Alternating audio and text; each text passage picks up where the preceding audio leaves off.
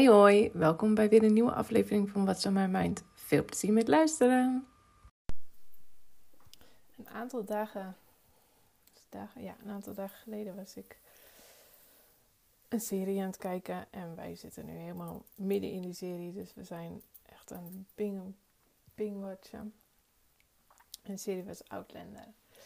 En Outlander is een serie die speelt zich af in de tijd van 19, of na, 1945 of tot 19, wat is het, uh, 70 en uh, de tijd van 200 jaar daarvoor. Dus 17, rond 1740, 17, 18e eeuw. En uh, sowieso een te gekke serie. Ik had nooit gedacht, überhaupt, dat ik dit een leuke serie zou vonden. Maar er was me getipt, ik ben gekeken en uh, we zitten er helemaal in. Ik kan ook niet meer stoppen met kijken. Maar wat daar uh, geschetst werd en waar ik eigenlijk, nou echt, ik werd er bijna misselijk van toen ik het zag. Um, de, de hoofdpersoon uh, is, is zwanger en staat op punt te bevallen. En op het moment dat zij, weet, of, nou ja, zoals het in een film gaat, hè, ik, ik heb mijn vliezen gebroken, dus dan ga ik meteen naar het ziekenhuis. Niet hoe het in real life werkt, maar zo laten ze dat op, op films laten zien. Uh, komt in het ziekenhuis, er komt een arts bij haar en die zegt nou, vader, succes, jij mag bij de andere vaders gaan zitten. Dat was sowieso heel erg in die tijd. Gelukkig inmiddels niet meer. Maar hij zegt up en ja, wij gaan naar de operatiekamer. Waarop zij zich letterlijk afvraagt, operatiekamer, hoezo? Ehm, nou, ze zit met volle buik, vol weeën, koplampen op haar gericht en ze kon niet eens tegenstribbelen of het kapje met adem, of nee, met narcose werd opgezet. En uh, ja, ze werd in slaap gebracht tijdens een bevalling. Op dat moment voelde ik zoveel woede in mij omhoog komen. Hoe kan dat? Hoe kan het dat het is toegelaten? Hoe kan het dat is ontstaan? Hoe, waar is dit gebeurd? Hoe, is het ook echt ook zo hoe dat, hoe dat vroeger daadwerkelijk ging? Dat, dat weet ik niet, want in zoverre ben ik er niet ingedoken. Maar er kwam zoveel woede omhoog. En ik kan me ergens wel voorstellen dat het, dat het echt wel op deze manier gegaan is. Uh, dat wij liggend uh, bevallen, ben ik uh, laatst achtergekomen, is ook iets wat ehm, gecreëerd is door de mannelijke dokters. Er was natuurlijk een tijd dat vrouwen geen arts mochten worden, dus alleen mannen arts mochten zijn. En het was voor hun rug beter en makkelijker om uh, liggend te bevallen als vrouw zijnde. Want dan konden ze gewoon uh, een stoel pakken en erbij gaan zitten. In plaats van dat hun door hun hurken moesten, omdat uh, een vrouw eventueel ook staand kan bevallen of in, nou ja, wat nu tegenwoordig heel veel is, in, in bad kan bevallen, gelukkig.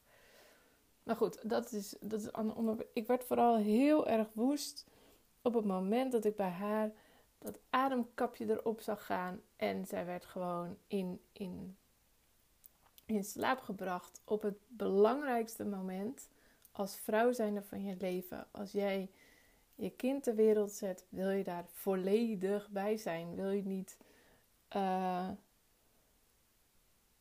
ja, je, wil, je wil daar gewoon bij zijn, mits, mits het natuurlijk niet kan. Mits er medische, medische uh, dingen zijn, dat het, dat het gewoon niet mogelijk. Dat was in dit geval namelijk niet zo. En daardoor stuitte mij dat zo tot op been. Dus dat had je in de nieuwe tijd in die film. En dan had je ook nog een bevalling in, in uh, de 200 jaar daarvoor. En eigenlijk vond ik dat ondanks dat het 200 jaar daarvoor is, vond ik een veel mooier, mooiere bevalling. Uh, er werd er tijd voor genomen. De man was er zo nog steeds niet. Dat, ik denk dat dat gewoon jaren uh, zo is geweest. Maar er werd de tijd voor genomen. Ehm, er bleef de hele tijd een vroedvrouw bij of een verloskundige of eh, iemand die op dat moment kon helpen en beschikbaar was. Ehm, er werd gewoon rustig rondgelopen. Uh, ze hoefde niet per se te gaan liggen. de kraamvrouw mocht doen wat ze wilde doen. Uh, Oké, er werd op dat moment ook nog wijn en whisky gedronken. Zouden we nu ook anders doen? Misschien dat het wel lekker is tijdens een bevalling, maar uh, ik raad het niet aan in verband met je baby. Uh, maar,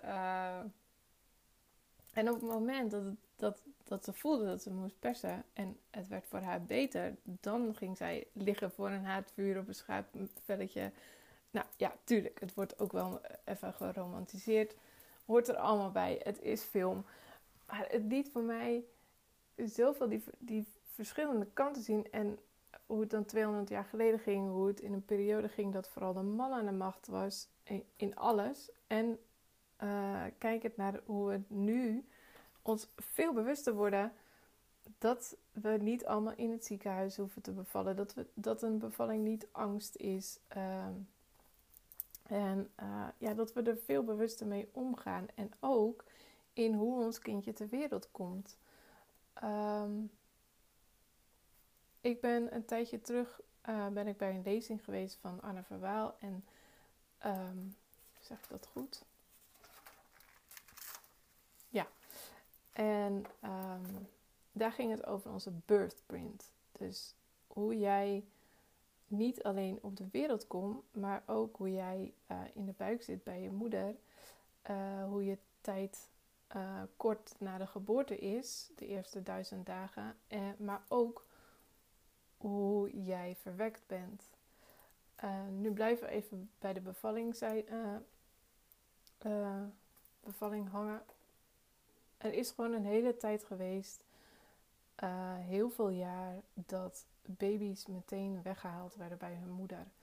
Dat als het je bevallen was, ehm, werd de baby in een zaal gelegd. Ik weet niet in hoeverre dat in Nederland het geval was, maar ik weet dat dat in Amerika wel het geval was. Ehm, wat je dan als kind zijnde kunt voelen, is dat je afgewezen wordt, buitengesloten en in de steek gelaten uh, bent. Dat is onbewust. Dus het betekent niet, want wij weten niet, of zoals je nu bent, weet je niet hoe je als baby gevoeld hebt. Maar dit gaat op onbewust, dus het wordt opgeslagen op onbewust niveau. Um, dat kan voor nu, zeg maar, voor hoe jij nu bent, ervoor zorgen dat je altijd het gevoel hebt om um, Wacht ik weet nou even niet of ik dat goed zeg.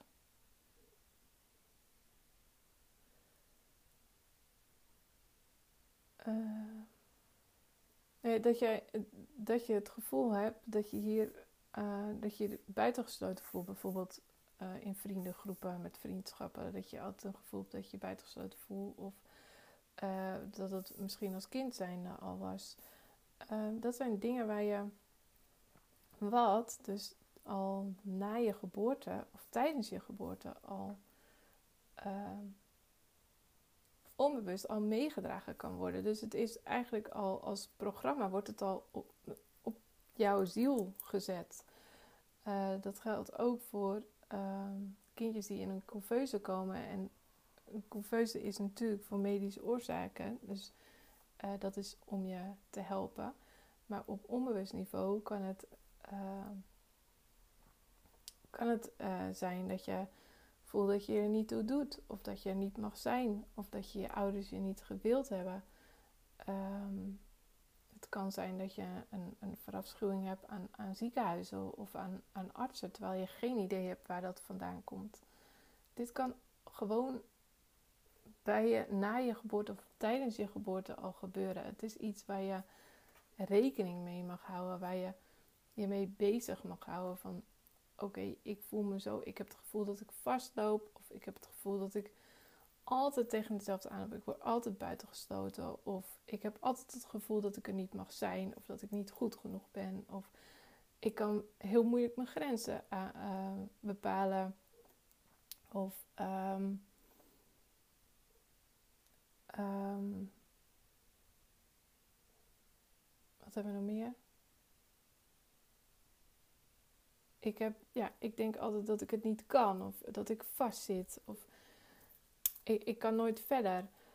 Uh, en je komt dat soort dingen regelmatig tegen, dan kan het zijn dat dit al of op onbewust niveau tijdens je geboorte of tijdens de zwangerschap of uh, net na jouw geboorte uh, in jouw systeem terecht is gekomen. En daar mag je aan werken. Daar mag je zeker aan werken, want het is niet van jou. Ik geloof namelijk echt dat wij op deze wereld komen om liefde te geven, liefde te voelen, om uh, overvloed uh, te ontvangen. En overvloed in liefde, in geluk, in financiën, in alles. Dus uh, de dingen die ons tegenhouden, daar mogen wij aan werken. Dat mogen we loslaten. Om uiteindelijk echt dat, dat ja, vanuit geluk te mogen gaan leven. Vanuit overvloed te mogen gaan leven. Dus heb jij het gevoel dat je je wel eens tegen aan, dat je tegen bepaalde dingen aanloopt als ik ben niet goed genoeg, ik doe er niet toe, ik mag er niet zijn. Um, ik um, kan moeilijk grenzen aangeven. Ik loop vast. Ik heb het gevoel dat ik in de steek gelaten word. Of ik heb het gevoel dat ik altijd aansta, want dat kan natuurlijk ook. Um, dan, mag je, dan mag je daarmee aan de slag, want het is niet van jou. Het is niet van jou. Het hoort niet bij jou als ziel zijnde. Als ziel zijnde mag jij. Jouw geboorterecht is letterlijk overvloed. Jouw geboorterecht is liefde. Jouw geboorterecht is geluk. En alles wat jou daarin belemmert, daar mag je aan werken. Dat is een programma wat je door levenservaring hebt opgeslagen op bewust of onbewust niveau. Of begon bewust en het zakte steeds meer naar onbewust niveau. Je mag daaraan werken. Dat kan door middel van een healing, wat ik doe. Of het kan door middel van uh, jezelf uh, helen of uh, door anderen. Er zijn heel veel vormen wat, wat, past uiteindelijk op jouw manier. Maar ik ben ja, even teruggekomen op, op die serie die ik keek, op die bevalling die ik zag. En dat die, die vrouw zeg maar niet aanwezig was bij de bevalling. Ja, lichamelijk wel, maar, maar verder mentaal en emotioneel gewoon niet aanwezig.